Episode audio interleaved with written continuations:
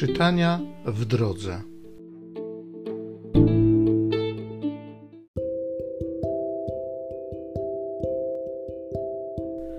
Z listu świętego Pawła apostoła do Rzymian. Bracia, sądzę, że cierpień teraźniejszych nie można stawiać na równi z chwałą, która ma się w nas objawić.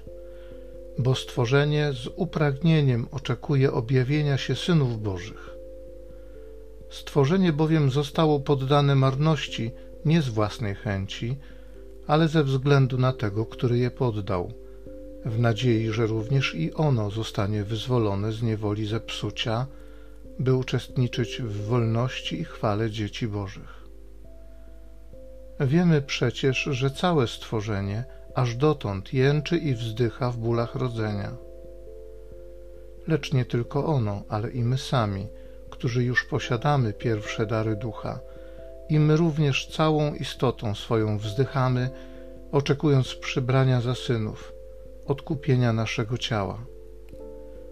W nadziei bowiem już jesteśmy zbawieni. Nadzieja zaś, której spełnienie już się ogląda, nie jest nadzieją, bo jak można się jeszcze spodziewać tego, co się już ogląda? Jeżeli jednak nie oglądając, spodziewamy się czegoś, to z wytrwałością tego oczekujemy.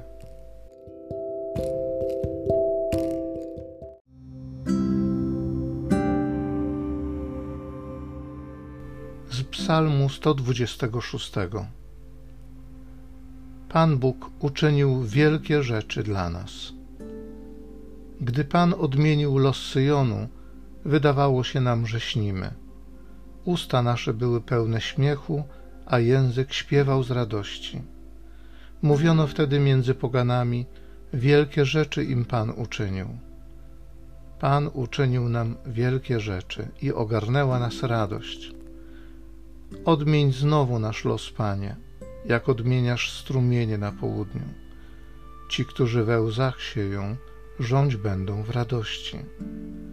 Idą i płaczą, niosąc ziarno na zasiew lecz powrócą z radością, niosąc swoje snopy. Pan Bóg uczynił wielkie rzeczy dla nas.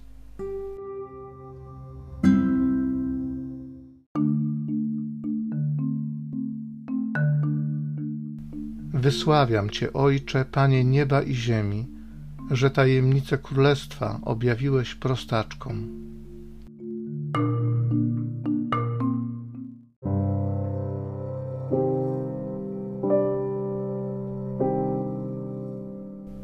Z Ewangelii według świętego Łukasza.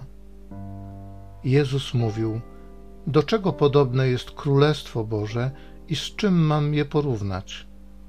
Podobne jest do ziarnka gorczycy, które ktoś wziął i posadził w swoim ogrodzie.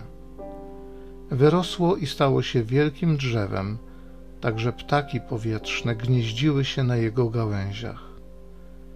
I mówił dalej: Z czym mam porównać Królestwo Boże?